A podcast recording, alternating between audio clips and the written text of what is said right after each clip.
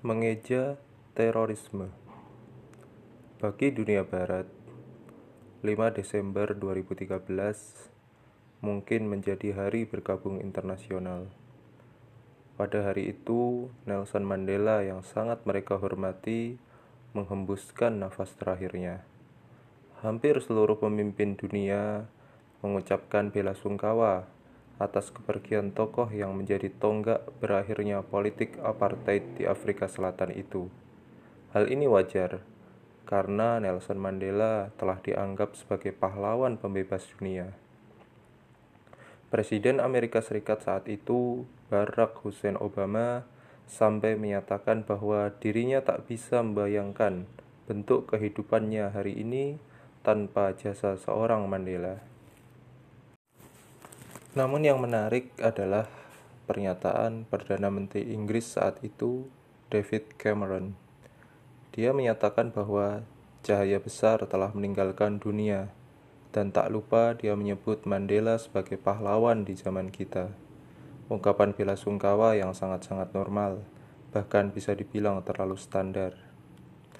Namun, kita akan sedikit mengeritkan dahi ketika tahu bahwa ketika masih menjadi mahasiswa, Cameron merupakan aktivis Federation of Conservative Students. Saya pelajar dari Partai Konservatif. Kampanye utama mereka pada saat itu adalah gantung Mandela, gantung Mandela. Bagi mereka, Nelson Mandela beserta kelompok African National Congress atau ANC adalah teroris. Namun sejatinya Cameron tidak sendiri. ANC pada waktu itu memang dipandang sebagai organisasi teroris oleh dunia barat, termasuk Amerika Serikat. Pada tahun 1987, Margaret Thatcher menyebut ANC sebagai tipikal organisasi teroris. Siapa pun yang menganggap bahwa mereka akan memerintah Afrika Selatan suatu hari kelak, berarti dirinya sedang tinggal di alam mimpi. Kita mungkin bertanya, bagaimana bisa sebuah pandangan umum berubah 180 derajat dalam rentang waktu 30 tahun. Dari teroris menjadi pahlawan, dari pembunuh menjadi cahaya.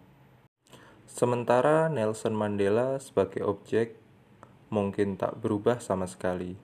Dia masih orang yang sama yang mendukung praktek necklacing yaitu eksekusi dengan mengalungkan roda yang sudah diberi minyak ke leher korban untuk kemudian dibakar. Pemikiran serta cara pandangnya terhadap dunia pun tak ada yang berubah, dan dia pun tak lantas menjilat para pemimpin Barat agar tak lagi disebut teroris. Tetapi, mengapa kini dunia Barat seolah lupa dengan apa yang mereka pikirkan tentang Mandela di masa lalu?